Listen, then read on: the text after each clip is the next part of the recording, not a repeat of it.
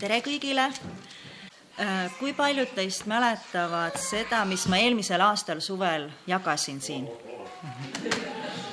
kas äh, tuleb meelde see peegliga näide?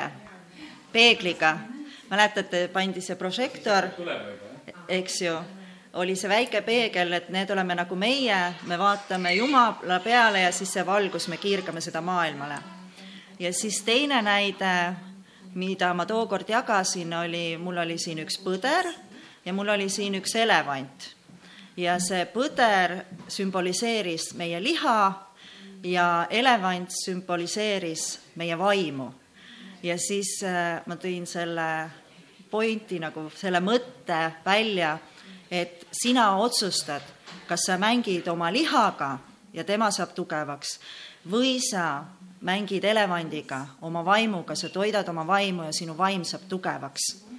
ja mul on teie jaoks ka täna äh, üks väikene näide, äh, enne kui ma loen Jumala sõnast, ma tahan lihtsalt teile nagu silma ette tuua ühe pildi, sest et Jumal minuga räägib kogu aeg läbi kujutlusvõime, et ta elavdab minu kujutlusvõimet, ta toob mulle mingi näite ja siis äh, ta ilmutab mulle, mis on tema südames. aga kui ma eile valmistusin selleks äh, näiteks, siis äh, minu juures oli väike Markus ja siis ta oli nagu, ütles, et ta tahaks ka nagu näha seda, et mida tädi Jaana teeb, et äh, kas Markus on kusagil olemas. jooksis välja, okei okay,, et Äh, ma loodan, et ta pärast ei, ei ole kurb, sellepärast et ta ei saanud siin olla, aga siis mul oleks vaja kahte vabatahtlikku, kes on julge tulema siia korraks siia ette. et nii, jaa, nii, ole hea, võta sellest kinni ja seisa niimoodi nagu näoga sinnapoole ja siis sina tuled siia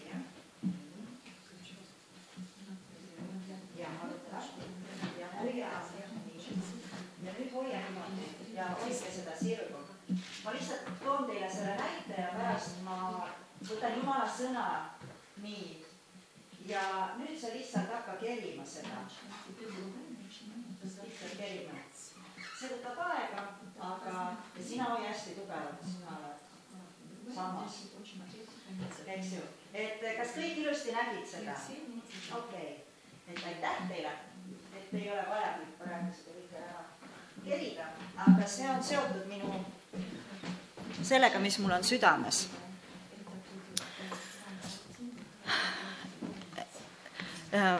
tegelikult ma pean tunnistama seda, et kui oli ülistus ja kui oli ohvrianni ülesvõtmine, siis mu süda nagu rõõmustas, sellepärast et see oli jälle sellega nagu kooskõlas, mis minul täna südames on, aga see ongi Jumala viis, et ta paneb oma pusletükid niimoodi hästi armsasti kokku ja, ja, ja see nii liigutab seda, kuidas Jumal oskab nagu võtta ühe inimese, teise inimese ja, ja, ja siis anda teile selle oma südame, tõe. aga tänase jutluse juurde tulles siis äh, ma olen viimasel ajal väga palju kuulanud Andrei Šapovalovit ja siis temal on alati niimoodi, et tema paneb oma jutlustele nimesid. ja, ja, ja kui Toivo minu käest äh, küsis, et kas ma oleksin valmis Jumala sõna jagama ja kui ma ütlesin oma jah-sõna, et okei okay,, Jumal, ma olen nõus, et, et, et pastor andis mulle selle äh, võimaluse, ma haaran sellest usus kinni ja nüüd, Jumal, mul on vaja sõnumit. ja see on nii armas ja see on nii lahe, kuidas Jumal siis hakkab seda kuduma, seda sõnumit. ja esimene asi, mis ta mulle andis, oli pealkiri. ja pealkirjaks on täna tõe vaiade maasse löömine. tõe vaiade maasse löömine. Ja kaks kirja kohta mida ma teile loen ette sellega seoses. ja siis me hakkame seda lahti arutama, et äh, mis Jumala vaimul on mõttes.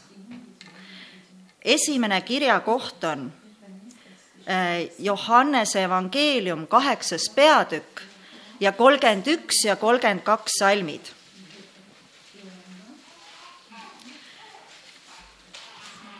Ja siin on kirjas. siis ütles Jeesus juutidele, kes teda uskusid, kui te jääte minu sõnasse, siis te olete tõesti minu jüngrid ja tunnetate tõe ja tõde teeb teid vabaks. ja nüüd ma lugesin ka ingliskeelseid tõlkeid ja venekeelset tõlget, aga ma toon teile praegu hetkel välja see The Passion Translation inglise keelest. Ta ütleb niimoodi. Jeesus ütles nendele, kes uskusid temasse.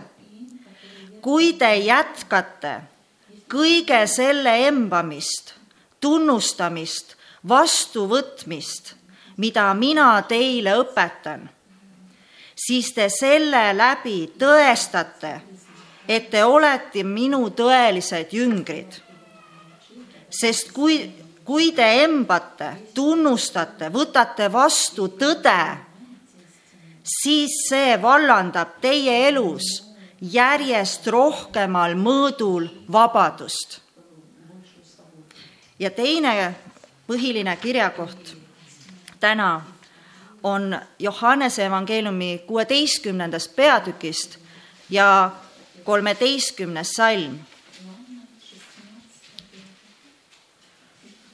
Aga kui tema tõevaim tuleb, siis ta juhatab teid kõigesse tõtte, sest tema ei räägi iseenesest, vaid mida ta kuuleb, seda ta räägib ja tulevasi asju ta kuulutab teile ja nüüd tuues välja jälle see The Passion Translationist, ütleb niimoodi. kui tõde edasi andev vaim tuleb, siis ta võtab katte ära iga tõe reaalsuselt. meie sees teeb ta seda tööd. ta ei räägi omaenese sõnumit, vaid ainult seda, mida ta kuuleb isalt ning ta ilmutab ja räägib teile ka seda, mis on tulemas. ja kui ma räägin siin täna sellest tõevaiade maasse löömisest, siis äh, võib tõde, äh, tõe järele panna võrdusmärgi ja kirjutada sinna Jumala sõna. ja kui me räägime tõest, siis kes on tõde? Jeesus Kristus on tõde nii et selles on väga palju saladust peidus. kui mina teile ütlen praegu, et vaadake kõik palun seina peal olevale ristile, eks, siis me kõik suuname oma pilgu ühte suunda ja see on tegelikult sümboliseerib Jeesus Kristust. ja kui ma nüüd tõin selle väikse vaia näite siin, ma püüdsin seda kuidagi nagu panna kujutluse, siis siin oli see tõesammas. ja sealpool oli see pisikene väikene puu äh, pilbas, mille küljes oli siis see nöör ja siis see tuli selle tõeni ja siis ta hakkas kerima ennast selle tõe juurde. kas keegi teist on kunagi ehitanud midagi? olete ehitanud? siis äh, esimene asi, mis ehituse juures on, kui sa tahad teha sirget, kindlat ehitust, sul on vaja panna paika nurgakivi, on nii? kas ma olen õieti aru saanud? Ma olen näinud, kui ma kõnnin siin maailmas ringi, siis ma hästi tihti hästi palju vaatlen, ma panen nagu tähele asju just selle jaoks, et, et äkki seal on midagi, mida Jumal saab mulle jälle ilmutada. ja ükskord ma tänaval kõndides, ma nägin seda, kuidas pandi tänavas hiljutise kive. ja mida need ehitajad esimesena olid teinud, oli see, et nad olid pannud sinna need nöörid, need pisikesed vaiad, eks ju, miks? sellepärast, et nad tahtsid, et see tänavasillutis saaks sirge eks ju, mõõdetud. ma mäletan, kui ma olin väike tüdruk, siis äh, isa käis äh, tapeedi panemisel, käis loodiga et see väikene mullikene, mis seal sees, et see oleks niimoodi tasakaalus, sellepärast et, et muidu need tapeedi nii-öelda need, kuidas need öeldakse, paalid hakkavad viltu, et paned küll enda arvates jube sirgesti, aga pärast vaatad, kõik on viltu, eks ju. nüüd Jumal on kutsunud meid oma elus ehitama sellisel viisil, et me ei ehita piusatorni, mis on viltu vaid et see saab tõega mõõdetud ja sellepärast ma panin selle, selle nööri näite siia just selle jaoks, et see silma ees oleks. ja tegelikult siin, kui me vaatame ümbritseva maailma peale, siis tegelikult asjad lähevad kurjaks, asjad on hästi kõverad, asjad on väga sassis, inimesed ei tea, kus on pimedus, kus on valgus. Usutakse igasuguseid kummalisi asju, alates mingitest tervendusjumalannadest kuni mingiteni, et kui ma panen toas mööbli õieti, siis justkui hakkab suur rikkus ja õnn minu majja voolama. Igasuguseid kummalisi asju siin maailmas usutakse. nüüd piibel ütleb, et Jeesus Kristus on ainus tõde. ja kui kogudus äh, usub seda tõesti, siis me mõõdame oma elus kõike Jeesuse Kristusega. Ja see on väga oluline, et me seda teeme, sest et piibel räägib sellest, et viimastel päevadel saab olema väga palju valeõpetusi, saab olema igasuguseid inimlikke mõttetargutusi, saab olema igasugust filosoofiat, humanismist kantud, isegi on olemas humanismist kantud kristlus, et justkui inimene oleks kõige keskpunkt ja siis Jeesus tantsib ümber inimese, ütleb, et mida sa nüüd tahad? Ja mida sa nüüd tahad, mina tulen ja teen sind õnnelikuks. Ja pannakse nagu teistpidi see asi. aga meil on vaja jääda tõe juurde, meil on vaja paluda Jumala käest seda, et meil on, meie südames oleks see tõe armastus. et me oleksime justkui need lilled, mis keeravad kogu aeg päikese poole eks ju, et ükskõik, mis siin maailmas toimub meie ümber, siis meie oleme ikka need lillekesed, kes kogu aeg sinna päikese poole. mul oli üks taim äh, äh, köögiakna peal, aga mul on seal nagu rõdu e,, nagu rõdu on äh, köögiakna taga. ja siis see taim hakkas niimoodi ajama oma pead sealt niimoodi, et ta saaks valguse kätte ja siis ma olin nagu natuke solvunud, et ta läks nii kõveraks. ma tahtsin, et oleks püsti, ilusti lilleke, hästi ilusad, armsad õiekesed, aga tema ajab ennast niimoodi. ja siis ma sain aru, et mida ta teeb, ta ajas ennast päikese järgi. ja meie sees tegelikult, kui me oleme uuesti sündinud, siis meie sees on ka, Jumal on pannud selle meie sisse, selle, selle igatsuse, et me keerame ennast kogu aeg sinna kui ma vaatan väikest Joosepit Anneli äh, süles, ma näen, kuidas ta kogu aeg keerab ennast, ta on veel nii väike, ta võib-olla, ta ei mõista veel kõiki asju, eks, aga ta keerab ennast ikka emme poole, emme poole. ja mei-, meid on kutsutud, keerame ennast kogu aeg isa poole, isa poole. Ja siis me saame vabaks sellest hirmust, et oi appi, et kuidas ma ikka saan hakkama ja kuidas ma ikka tean, et mis see Jumal tahab ja, ja, ja kuidas see on. me lugesime seda, et kui tõe vaim tuleb, siis ta juhatab teid kõigesse tõtte. ta ilmutab teile seda, mis Jumal tahab. ja see toob sellise rahu südamesse, sellise usalduse aga selles on nüüd võimalik kasvada, et kui ma lasin ke-, keerata seda väikest pulgakest, siis et kogu aeg ma mõistan Jeesust paremini, ma mõistan Jeesust paremini. kas te olete kunagi olnud kuskil ruumis, kus on inimesed koos? kindlasti olete olnud, eks ju. ja kui sa natukene jälgid seda, mis toimub, siis sa tegelikult saad teada, kes on lähedasemad, kes on need inimesed, kes on omavahel rohkem suhelnud, kes on võõramad. miks? sellepärast, et nad on omavahel vestelnud rohkem, nad on koos aega veetnud rohkem. eks ju? ja nüüd piibel ütleb sellise võrratu asja, et Jeesus igatseb seda, et meie oleksime tema sõbrad.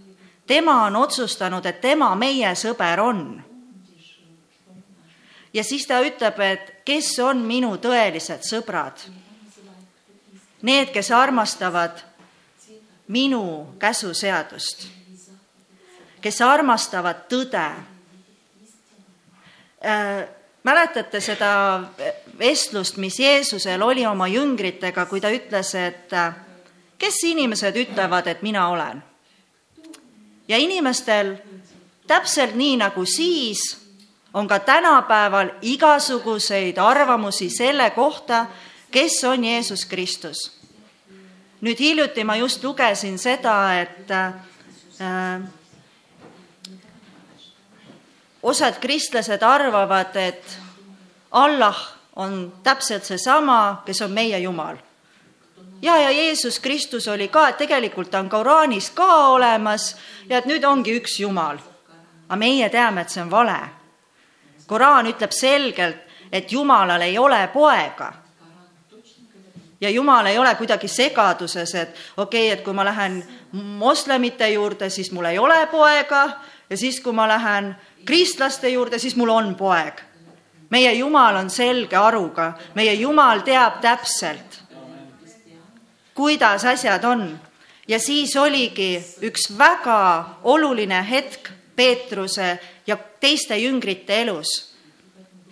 kes ütlete teie, et mina olen? ja mis Peetrus ütles?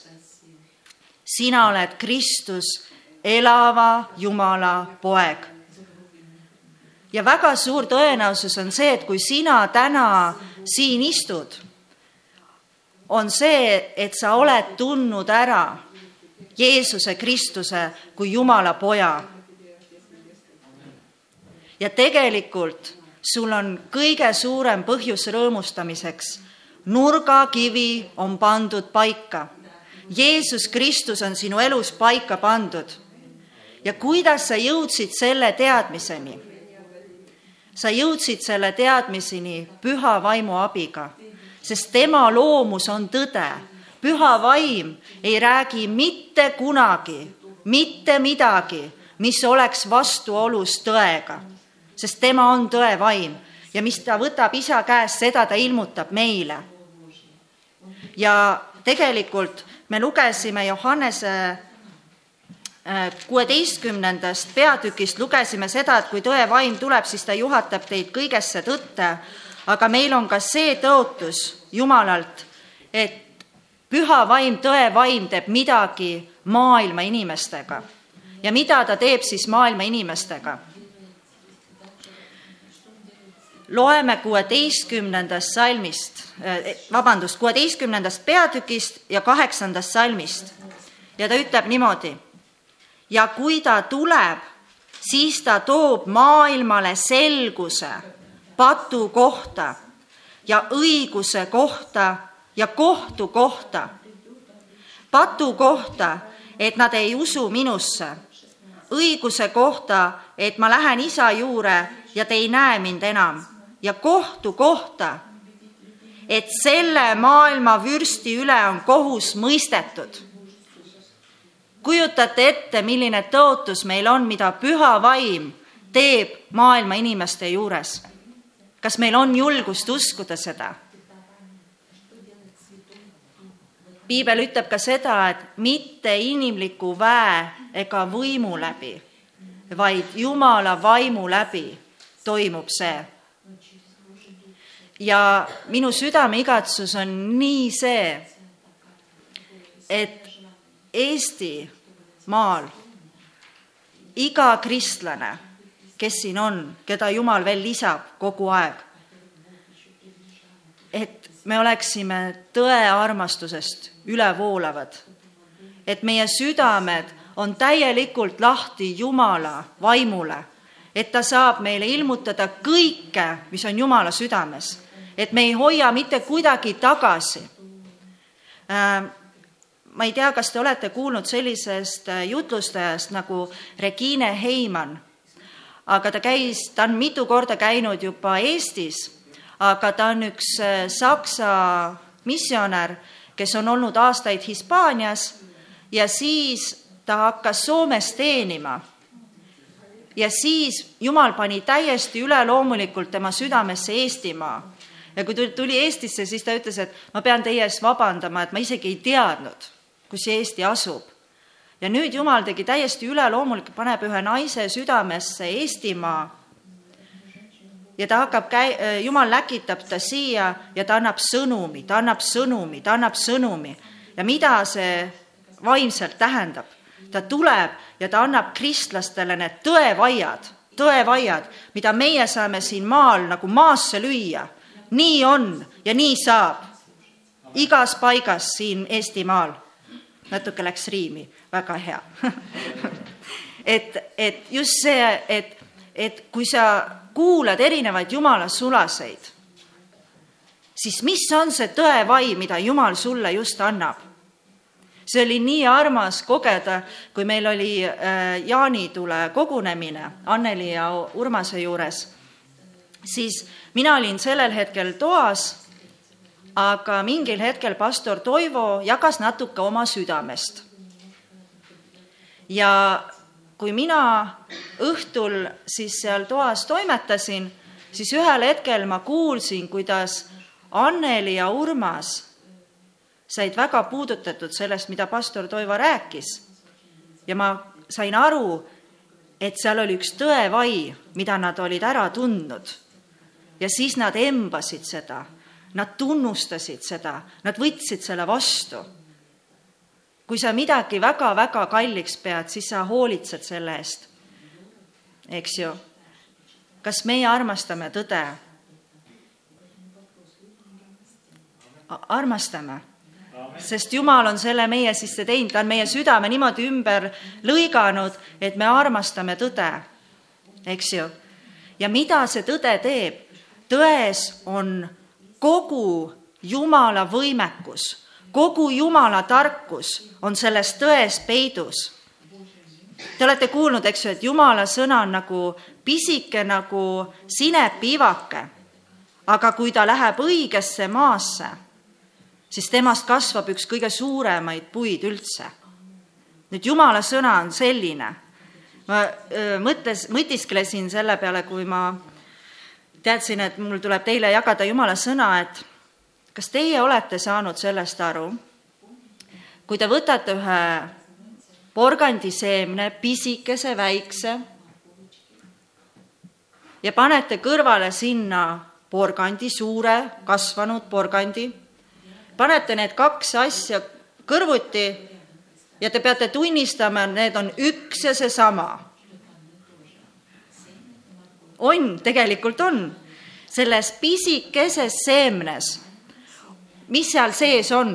seal on info, nii-öelda tänapäeval on moodne sõna DNA, seal on kõik sees, et porgand on oranži värvi, tal on just sellist kuju lehed, tal on neid lehti just nii palju, nagu nad seal on, eks ju ta kasvab just niimoodi, et ta ei kasva nagu niimoodi laiali, vaid ta läheb maa sees, kasvab, eks ju tegelikult äh, tänapäeval tehakse hästi huvitavaid dokumentaalfilme sellest, kuidas pannaksegi äh, kaamerad, pannakse maa alla ja siis on need, kuidas siis äh, seemnekene hakkab, kui ta on nüüd õiges pinnases, mullas, siis hakkavad need toitained mõjuma sellele seemnele ja seeme mõjub, eks ju, mullale ja seal toimub see sümbioos, eks ju.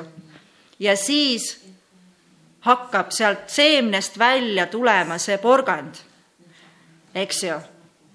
ja nüüd Jumal tegelikult oma loodu läbi räägib, kogu aeg tunnistab oma pojast. ta kogu aeg tunnistab Jumala sõna väest. kui võimas see sõna on.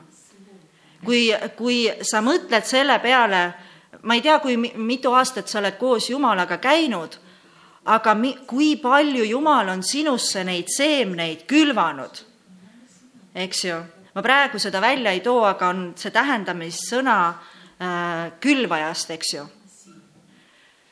kui meie oleme Jumala ees alandlikud ja me igatseme seda, et me oleksime, jääksime alandlikuks, me jääksime õpetatavaks, siis Jumalal on võimalus meie sees teha fantastilisi, üleloomulikke asju, sest tema on üleloomulik Jumal, eks ju.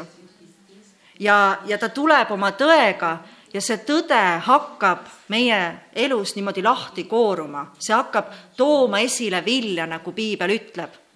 ja, ja kui me lugesime täna seda kümnise ja ohvri Anni tunnistust, siis mu süda sees rõõmustas, sellepärast et, et see on nüüd see, mis hakkab lahti rullima meie elus, see tõe, me nõustusime tõega, selle äh, nurgakiviga ja nüüd saab meie elus kõik joonduda selle alusel.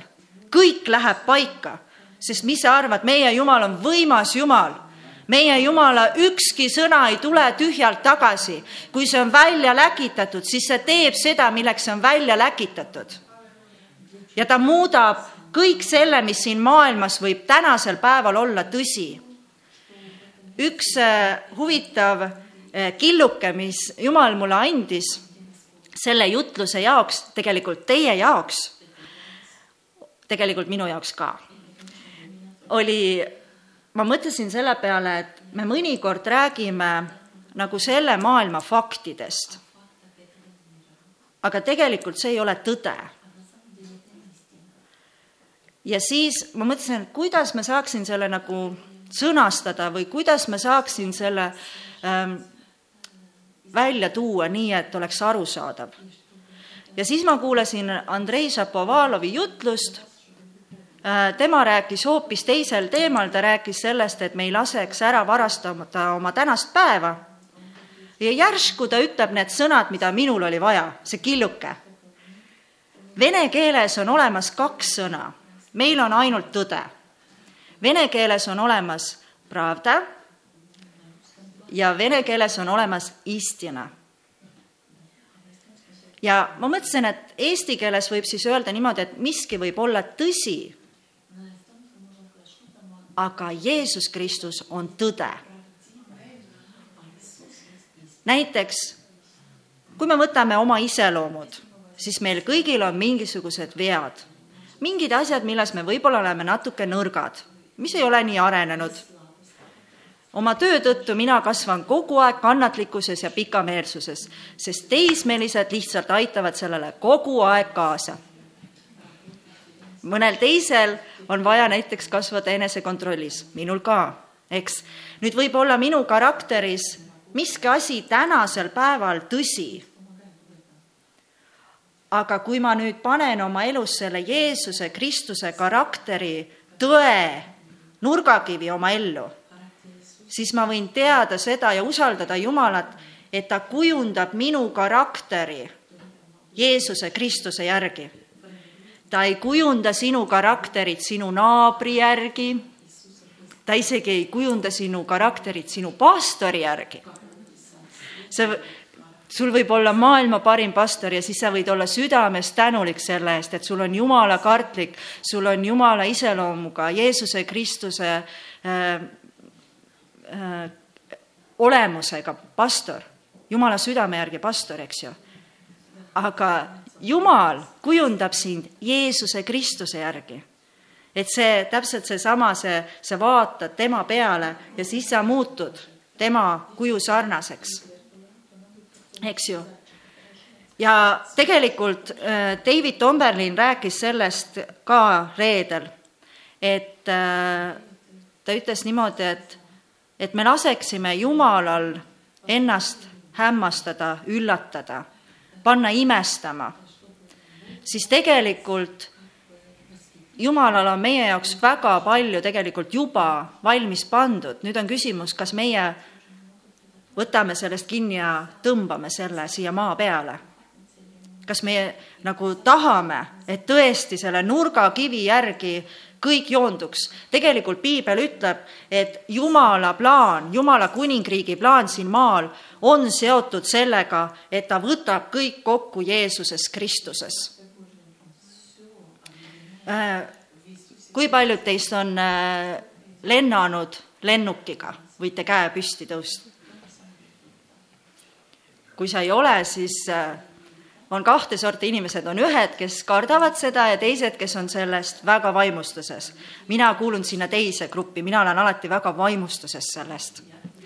sellepärast, et see on jälle üks jumala ime. kui inimesed oleksid jäänud uskuma seda, et gravitatsiooniseadus on lõplik seadus, eks ju, kõik, mis sa üles viskad, kõik alla kukub. See on tõsi ja see on tõde. palun ära kõnni kolmanda korruse aknast välja. sa kukud ki suure kiirusega, oleneb sinu kehakaalust, vastu maad. aga seal olid ühed inimesed, kes nägid, et kui sa võtad teatud kiirusega asja ja sa len-, paned selle lendu, siis ta on õhus, eks ju seal on üks füüsikaseadus, mis sõidab gravitatsiooniseadusest üle ja kui kõik tingimused on täidetud, kui lennuk on võtnud sisse teatud kiiruse, siis gravitatsiooniseadus on ületatav. võib-olla sina täna oma elus mõtled oma eluolukordade peale ja see võib olla tõsi, see võib olla fakt tänasel päeval, et asjad on nii ja nii aga kui sina võtad Jumala sõna tõe ja kuulutad seda selle olukorra üle, sa paned selle vaia sinna maha, lööd selle maha ja ütled, kõik peab joonduma selle sõna kohaselt. siis mis sa arvad? Need just need algjõud, need, need seadused, mida sina oled pidanud tõeks, järsku saavad ületatud hakkab teine seadus toimima. Jumala kõige võimsam seadus. ja, ja ma ütlen veel sellise asja, et tegelikult mu südames on nii palju nagu teile jagada, et ma vabandan, kui ma võib-olla natuke hüppan, aga, aga see Regine Heimann, kui ta käis Eestis, ta sai südames äh, profeteerida Eesti rahvale ja üks teine jumala sulane on öelnud niimoodi, et igal rahval on oma kutsumine Jumala ees. Kui Iisraeli suguharud olid, siis äh, piibel räägib, et ühel suguharul oli näiteks eriline and seal jõukust koguda, eks ju. siis oli juuda suguharu, kes olid ülistajad eks, et igal suguharul oli nagu see oma nii-öelda tassike teed, mis oli just nende see, eks ju. ja siis Regine Heimann rääkis sellest, et Eesti rahval on Jumala ees väga eriline kutsumine. ja see, et tegelikult Eestimaad kutsutakse Maarja maaks, see tegelikult on prohvetlik see on väga prohvetlik. ja nüüd, kui sina saad püha vaimu läbi enda sisse selle veendumuse, et jah, nii on, siis sa saad siin maal seista selle eest, et kõik joondub selle järgi. ja mida siis Regine Eimann ütles, et see on nagu lunastav and, et, et nendel inimeste sisse on pandud jumalik DNA, aga see veel ei toimi, see hakkab toimima siis, kui Jeesus Kristus tuleb. see nurgakivi saab nii-öelda paika. aga nendel on potentsiaal. Eestimaa rahval on potentsiaal Jumala ees. eks, aga kui me vaatame nüüd lihalike silmadega täna enda ümber, siis need inimesed on kõike muud kui Maarja eks ju, et nad äh, aretavad siin selliseid asju, et ütled, et tule taevas appi.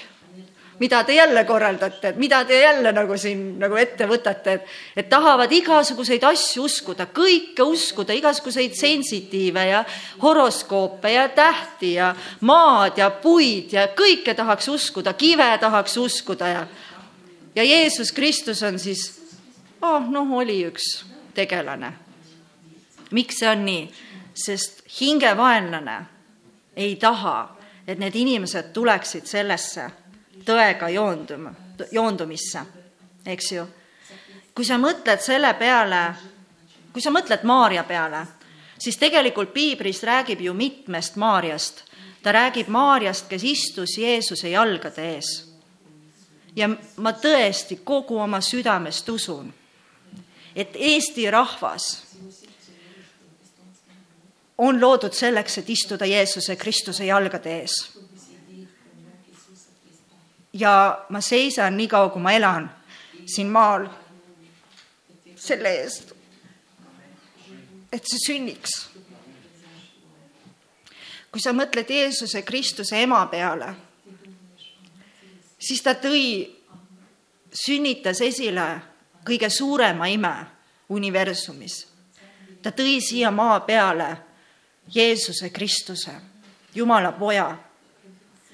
ja kui sa nüüd mõtled, et Eesti rahval on see kutsumine sünnitada esile Jumala asju, siis ma tahan seda näha. ma tahan seda näha. ma tahan näha seda, et kõik see piibli tõde saab lihaks siin maa peal. see tähendab seda, et surnud ärkavad ülesse, jalutud hakkavad käima pimed hakkavad nägema, kurdid hakkavad kuulma.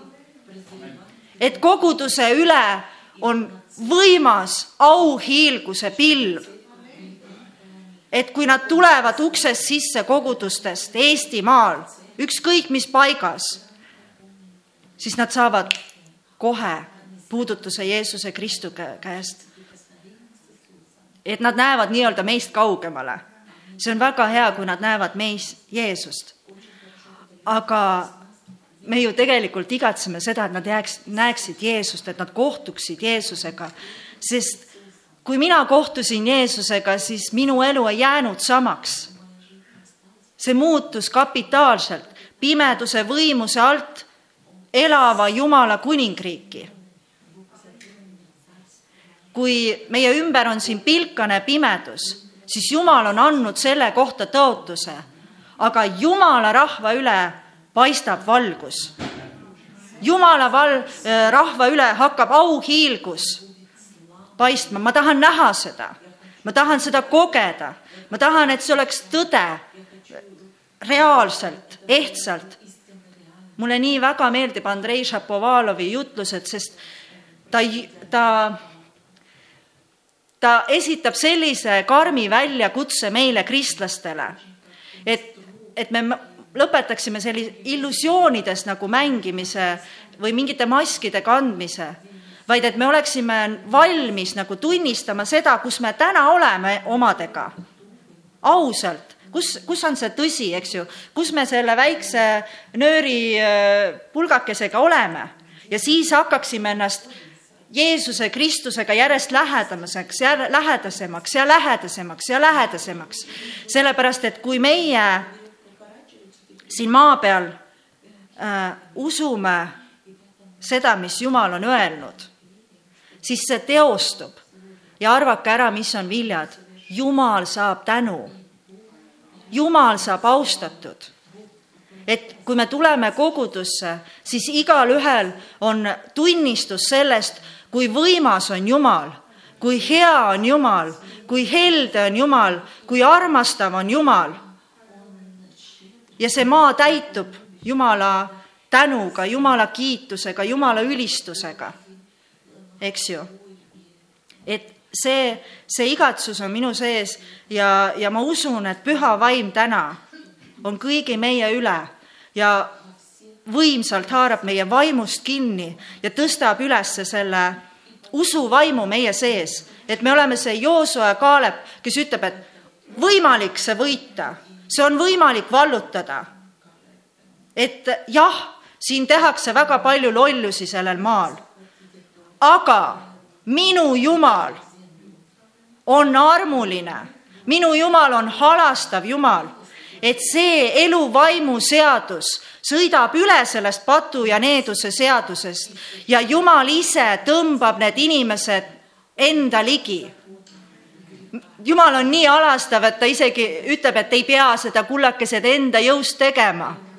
Teil on vaja lihtsalt usaldada mind ja mina teen selle, mina teostan selle. kui jumala rahvas tõstab selle tõe võidulipu nii-öelda. ja kui teie elus on mingid alad, kus sa tunned, et see vist küll ei austa Jumalat, siis võta Jumala sõna kätte ja küsi tõe vaimu käest, tõe vaim elab kakskümmend neli seitse sinu sees.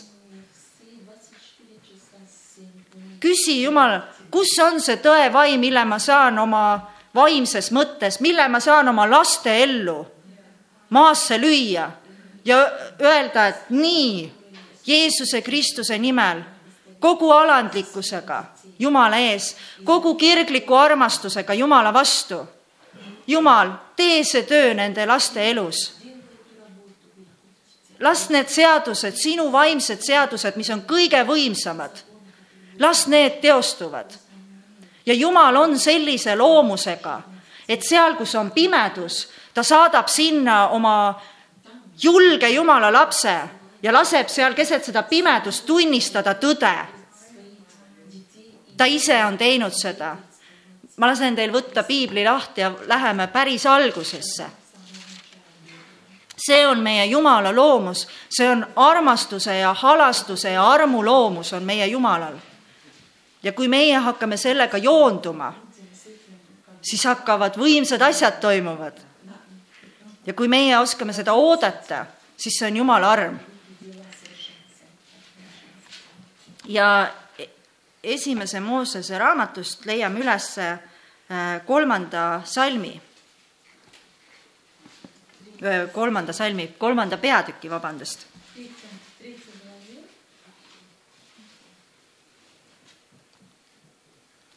Äh, alustame kolmeteistkümnendast salmist. siin on nüüd see lugu, et Eeva ja Aadam sõid seda keelatud vilja. Nad läksid otse Jumalaga vastuollu. Nad nõustusid hingevaenlasega, alistusid nii-öelda tema juhtnööridele, siis nad sõid seda vilja ja nüüd tuleb Jumal sinna situatsiooni. ja mida otsustab Jumal teha? Ta kõnetab oma armsaid Eevat ja Adamat. ja ta tegelikult teadis sellest. aga seal oli oluline, et Aadam ja Eeva väljendaksid seda, mis nende siis, mis see tagajärg nii-öelda oli, kuidas nad suhtusid aga Jumal otsustab kohe, et tema ei jäta seda asja niisama, sest ta armastab inimest. ja siis ja Jehova Jumal küsis naiselt, miks sa seda tegid ja naine vastas, madu pettis mind ja ma sõin. ja nüüd lööb Jumal oma tõevaia maasse. siis Jehova Jumal ütles maole et sa seda tegid, siis oled sa neetud kõigi lojuste ja kõigi väljaloomade seas. Sa pead roomama oma kõhu peal ja põrmu sööma kogu eluaja. ja ma tõstan vihavaenu sinu ja naise vahele, sinu seemne ja tema seemne vahele, kes purustab su pea, aga kelle kanda sa salvad Jumal pani ühe vaimse seaduse kohe töösse. ja sellest sõnast hakkas arenema siis see lugu sellest, kuidas meile sai sündida päästja Messias, kes purustas saatana pea, aga kelle kanda ta suutis ainult salvata. hingevaenlane. kui Jeesus löödi risti, teda oli piinatud, teda oli alandatud, teda oli häbistatud. Ta oli õudusi läbi elanud juba enne ristisurma. siis saatan juba pidutses oma teemonitega. et vaat, mis siis Jumal võttis välja, tõi messi, aga nüüd ta on meile kerge saak. ja sa võid mõelda, et pimedus. suur kurjus justkui võidutseb. Aga see oli kõik näiline. asjad siin alati siin maailmas ei ole nii, nagu nad paistavad. jäta see endale meelde. jumal võib näidata, et kõige pimedamas mingis olukorras võib olla väga tugevalt tema vaim maasse löödud. ja tegelikult tema joondab asju. ja siis pandi Jeesus ristile kõige piinarikkam, piinaviis, viis, kõige õudsam suremise viis. ja Jeesus Kristus paneb seal ristil oma sõnadega toimima kõige võimsama seaduse ja ma nimetan seda armu ja halastuse seaduseks. ta ütles, isa, anna neile andeks, sest nad ei tea, mida nad teevad. seal kujutad ette, Jumala poeg lüüakse risti, seal hakkas maa ju värisema, seal loodus hakkas vappuma, sellepärast et Jumala poeg oli selle keskel ja Jumala poeg oli vaikne ja tasane. ta oleks võinud öelda, kõik need sõdurid kohe põlegu tuhaks. tal oli see vägi, tal on see vägi täna. aga tal oli vaja valada oma veri selleks, et meie eludes, et siin maal saaks inimkonna jaoks pandud toimima halastuse ja armu seadus. piibel ütleb, et meil on parem seadus, uus leping on parem kui vana. just sellepärast, et meil on tõeline lunastuse veri, mis räägib võimsalt. ja kui meie sellega nüüd nõustume, kui meie sellega joondume, siis see seadus hakkab toimima, see seadus hakkab toimima ja Jeesus otsustas seda. ja ta löödi risti. ja tal oli veel paar asja saatanaga ajada. ta võttis surmavalla võtmed tema käest ära. Ja siis ta oli Jeesusele, Jeesus oli öelnud Peetrusele enne, et Peetrus sellele kaljule mina rajan oma koguduse. see on see nurgakivi. ja nüüd, kui Jeesus surnust üles ärkas, oli kõik pandud valmis selleks, et võiks sündida siia maa peale saatana õudusunenägu. kogudus ja ta ei jätnud seda veel niisama. ta valas oma tõevaimu oma rahva üle. selle vaimu, kes tõstis Jeesuse surnuist ülesse. Ta varustas täiuslikult oma koguduse. ja kogudus on ka kaotanud selle varustuse sajandite jooksul, tuhandete aastate jooksul aga Jumal taastab. ja kui sa mõtled, et miks see lõikus veel ei ole nii-öelda käes, see tuleb, võimas lõikus tuleb, prohvetid on näinud, miljardid inimesed tulevad Jumala kuningriiki. aga tal on vaja koguduses enne taastada, joondada kõik need asjad Jeesuse Kristuse tõe alusel. et see kogudus tõuseb taas kord selles väes ja võidmises, nagu Jumal lasi sellel sündida. ja mis veel hämmastavam, Jeesus ütleb ju meile nii, et te saate tegema neid asju, mida mina tegin, aga te saate tegema veel võimsamaid asju. kuidas see on võimalik? see on võimalik Jeesuse Kristuse lunastustöö läbi Jeesus tegutses enne seda verevalamist, seda täiuslikku äh, vaimset akti, mis hakkas rääkima lunastuse väest, eks ju. Teate seda kirja kohta, et eh, igaüks, kes usub, sellele on evangeelium vägipäästeks, eks ju. selles on peidus, see on see seeme, kus on see kõik peidus. Jeesuses Kristuses on see peidus kõik ja kui meie kasvame nüüd Jeesuses, siis me hakkame seda mõistma.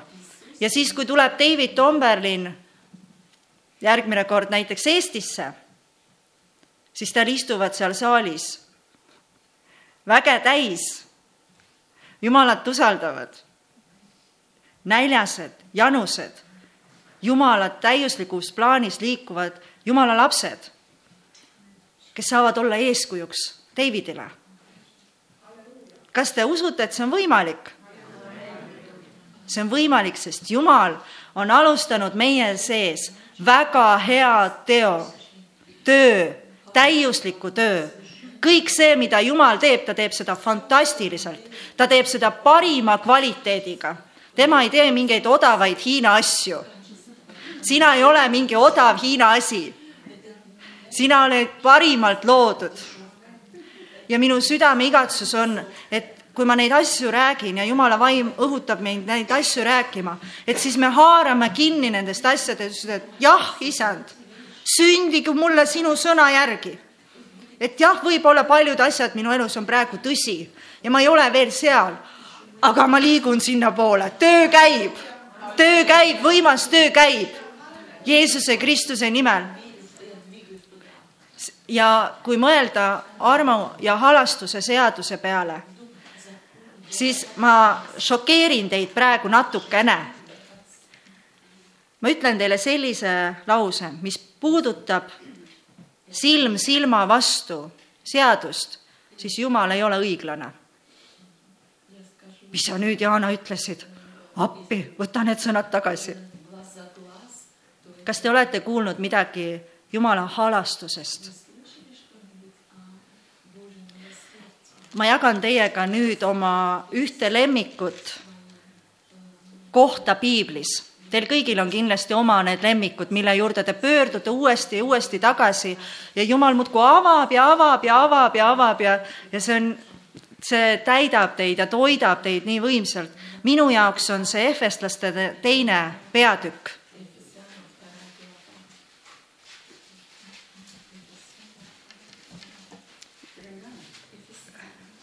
ja ma loen esimesed kümme salmi. Tegelikult see terve peatükk on täis võimast Jumala tõde, aga ma loen esimesed kümme. Jumal on teinud elavaks ka teid, kes olite surnud oma üleastumistes ja pattudes, milledes te käisite enne selle maailma ajastu järele, õhuvalla vürsti järele vaimu järele, kes nüüd on tegev sõnakuulmatuse laste seas, kellede seas ka me kõik enne käisime oma liha himudes ja tegime liha ja mõtete tahtmist mööda ning olime loomu poolest vihalapsed nagu teisedki. aga Jumal, kes rikas on halastusest oma suure armastuse pärast, millega ta meid on armastanud kuigi me olime surnud üleastumistes, on meid ühes Kristusega teinud elavaks. Armust olete õndsaks saanud ja on meid ühest temaga üles äratanud ja ühest temaga asetanud istuma taevalikku olukorda Kristuses Jeesuses, et osutada tuleval ajastul oma armu ülemäärast rikkust helduses meie vastu Kristuses Jeesuses. sest teie olete armust õndsaks saanud usu kaudu ja see pole mitte teist enestest, et ükski, see on Jumala and, mitte tegudest, et ükski ei saaks kiidelda. sest meie oleme tema teos Kristuses Jeesuses, loodud headele tegudele, mis Jumal on enne valmistanud, et me käiksime nendes kui me vaatame täna maailmas ringi, siis me võime öelda, nad on surnud üleastumistes, nad on pattudes, nad on himudes. Me kõik olime seal kunagi oma elus ja see oli tõde. see on tõde paljude inimeste kohta täna. aga see salm, neljas, aga Jumal tuli võimsama seadusega, kes rikas on halastusest oma suure armastuse pärast, millega ta meid on armastanud. Kui ma tooksin hästi lihtsalt selle mõtte esile, et Jumal on armu ja halastuse Jumal, siis mis seal selle armu ja halastuse vahe on? mis see erinevus on? ja ma ütlen niimoodi, seda on kindlasti võimalik väga paljudel viisidel väljendada, aga arm on Jumal andmas sulle võimet teha asju, mida sa oma jõust ei suuda. Paulus räägis sellest kogu aeg. armust olen ma see, kes ma olen. ja kui mina täna teie ees seisan, siis ma olen armust. kui ma suudan täna jagada teiega Jumala tõde, siis see on Jumala arm, see on Jumala võimekus minus tegutsemas. Ja nüüd halastus, kui ma enne tõin selle mõtte, et Jumal ei ole õiglane, mis puudutab silm silma vastu, siis halastus on see, et ta jätab meile teatud tasu maksmata või teatud palga andmata. olete kuulnud sellest, et patupalk on surm? me olime selle välja teeninud oma tegudega. Aga Jumal otsustas, et ta annab meile andeks. ja kui mina mõtlen oma elu peale, siis mina olen tunnistus sellest armust ja sellest halastusest ja ma tänan Jumalat kogu südamest. sellepärast, et mina olen olnud tagasilangenud kristlane et ma armastasin mingil hetkel oma elus väga Jeesust, olin tuline, aga siis ma tegin valesid otsuseid, põlesin läbi, olin liiga innukas Jumala töös omaenese jõust. ja see kõik kokku põhjustas, midagi oli minu südames valesti. ja ma pöörasin Jeesusele selja ja piibel ütleb väga karmilt nende inimeste kohta, kes on Jumalast ära pöördunud, kes on Jeesusele selja pööranud. ta ütleb, et nad on kõigi tallata. Nad on veel madalamad kui need paganad, kes ei tunne Jumalat. ja ma võin teile tunnistada, et see on tõsi. olla seljaga Jeesuse poole on väga kohutav seisund. aga Jumal kes on rikas halastusest, ei jätnud mind rahule. ja ma mäletan neid päevi, ma olin päris mitu aastat olin Jumala juurest eemal. ja ma läksin siit Võrust, kolisin Tallinnasse ka niimoodi, et ma olin selles perioodis.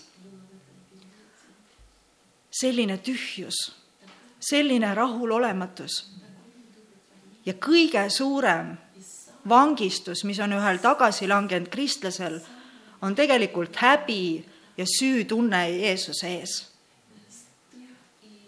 Sest tundus, et ma ütlesin Jeesusele, et ma armastan sind ja nüüd ma teen kõike seda, et sulle haiget teha. et ma olen olnud nagu silmakirjalik, et ja see häbi hoidis mind väga kaua eemale ma mõtlesin, et Jeesus ei taha sellisega enam tegemist teha. aga Jumal, kes on rikas halastusest, ta tuli ja ta ütles, kallis Jaana, jah, sa oled selle välja teeninud, sa oled surma ära teeninud, aga ma annan sulle andeks. et ma kohtusin selle isaga, kes kohtus oma kadunud pojaga ma õppisin Jumalat tundma armu ja halastuse Jumalana. ja kui piibel ütleb, et kellele on palju andeks antud, et see armastab palju, siis ma tahan kogu südamest olla kindel, et see on tõsi, et see on tõde, et nii ongi. sellepärast, et ma tõesti olen kogu südamest tänulik, et Jumal võttis mu tagasi ja kui ma saan austada oma eluga nüüd Jumalat, siis ma saan talle nii-öelda anda tagasi selle, et aitäh sulle, Jumal. aitäh sulle, Jumal, et sa nii tegid. Ja nüüd ma võin tunnistada tõest. ja ma tean, et Jumal on toomas siin Võru linnas tagasi väga paljusid. sest Jumal ei tee vahet inimeste vahel. kui Jumal tõi minu tagasi, siis ta toob ka nemad tagasi. ma ei näe mitte mingisugust põhjust, et miks ta peaks tegema vahet. ma seisan selle eest, ükskõik millisel moel, vahet ei ole, millise koguduse uksest ta sisse läheb, nad tulevad tagasi Nad on, osad on läinud üle maailma laiali, nad tulevad tagasi. sest Jumal on halastuse ja armus Jumal. ja arm, vabandust, mul oleks vaja, jaa.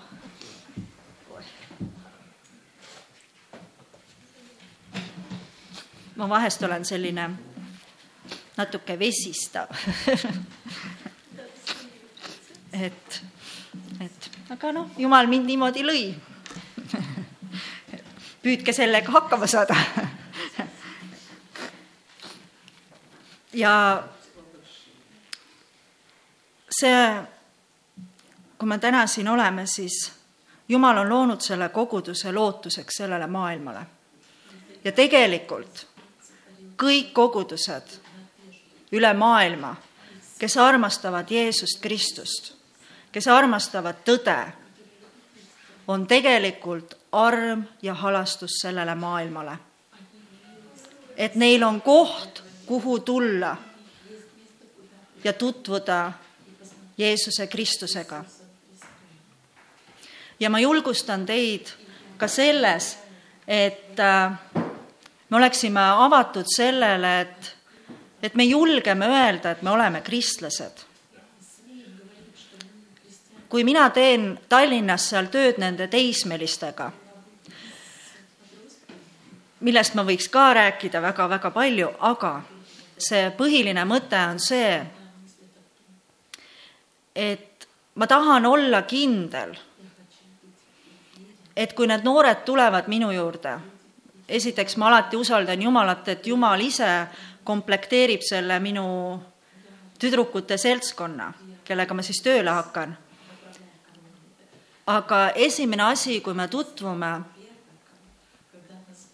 ma näitan oma kaelas seda väikest ristikest ja ma ütlen, et ma tahan, et sa teaksid seda minu kohta. et ma olen kristlane. ja ma usun Jumalat. ja ma võtan Jeesus Kristust väga tõsiselt. sest et ma tahan olla kindel, et neil on, kui neil tuleb see janu ja nälg tõe järele, siis neil on kelle käest kinni haarata. räägi mulle Jumalast. aga kui nad ei tea, et sa oled kristlane, siis nad võivad tulla aastate pärast sinu juurde öelda, et miks sa mulle ei öelnud. ma oleksin tahtnud sinuga sellel teemal vestelda. aga sa hoidsid seda teadmist endale. Et ma usun, et meil tegelikult on see vastutus et, et me oleme see küünal, mis ei ole peidetud ära vaka alla. ja me ei ole see mäe otsa ehitatud linn, millel on müürid ümber ja me kedagi sisse ei lase, vaid me oleme see avatud, avatud.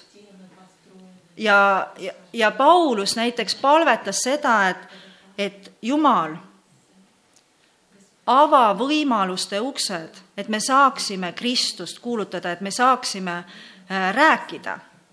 ega see ei ole niisama, et meie oma jõust läheme. mulle väga, mulle tegelikult väga-väga meeldib see, kui Jumal teeb oma üleloomuliku sellise kohtumise, korraldab, kus sa ei ole üldse valmis selleks. sa ajad oma asju no nüüd ma olen juba õppinud natukene, et noh, et ma olen avatud, et ükskõik, kellega Jumal mind nagu kokku viib, et nagu nii-öelda antenn on püsti, et mis sa nüüd, Jumal, võid nüüd teha või tahta, isegi kristlaste puhul. et mis sul nüüd südames on. mõne inimesega ongi see vestlus on ja ta läheb ja me ei räägi kordagi Jumalast ja see on okei okay,, sest mina ei ole päästja, Jumal ise teab, kuidas see inimene ka leida, kätte saada. Samamoodi on meie perekondadega, meie suguvõsadega. minu suguvõsast hakkas Jumal väga kummalisel moel kinni. päästis mind et oleks võinud palju võimekama ära päästa. aga jumal otsustas nii. ja siis oli paar teist perekonnas, kes nägid valgust ja andsid oma elud Jumalale. Kuigi praegu nad on eemal, aga ma seisan usus, et nad tulevad tagasi. ja siis suguvõsas hakkas teiselt poolt ka et Jumalale ära kirjuta Jumalale eeskirja, et kuidas Jumal peab sinu suguvõsaga tegelema et nüüd see inimene ja see inimene, kindlasti on esimesel kohal need inimesed, kes meile kõige rohkem probleeme tekitavad. jumal, anna armu, et tema päästetud saaks, sest et siis kõik muutuks meie suguvõses, kui ainult see inimene päästetud saaks. ei, sina said, eks ju, et, et me usaldame Jumalat ja me armastame tõde ja me lubame Jumalal anda need tõevaiad mida lüüa maasse. oled sa mõelnud selle peale, et äh, Iisraeli rahvas, kui Jumal midagi tegi, nii nad sinna ühe kivi maha panid. kui sul oleks üks aed, kuhu sina paned iga kord kivi, kui Jumal midagi teeb, siis milline see aed sul täna oleks? kivimägi, saaks kivipalli mängida naljaga pooleks öelduna, eks ju. kus on sinul need vaiad? vaata üle püha vaimuga koos, analüüsi, kuhu on vaia vaja ja tegelikult sa võid usaldada Jumalat selles, et iga kord, kui sina tuled sellest uksest sisse või iga kord, kui sina saad oma õe-vennaga kokku, siis võib olla seal see üks väike vaiakene, mida Jumal sulle jälle annab, mida panna paika oma laste elus, oma töökaaslaste elus, oma töökohaga seotud asjades, eks ju. mis iganes, Jumal annab, ta on nii loominguline ja ta on nii mitmekülgne. kolm, kolmapäeval me nõudsime, et see tamula saab puhtaks Jumala seaduse alusel ja nüüd peab kõik joonduma sellega. surm eemaldub ja elu siseneb ja see järv saab veel suuremaks õnnistuseks, kui ta on kunagi olnud sellele linnale. Jeesuse Kristuse nimel. Jeesuse Kristuse nimel. jumal väga-väga armastab teid, et meilgi see tõevai oleks tugevalt meie sees kindlalt. ja kui ei ole, kui sa kahtled selles, siis tõevaim, ma võin usaldada seda, et püha vaim avaldab sulle kõik selle, mida sinul on vaja eluks ja Jumala kartuseks. et sa saad elada parimal viisil ja võimsamal moel saad austada Jumalat oma elus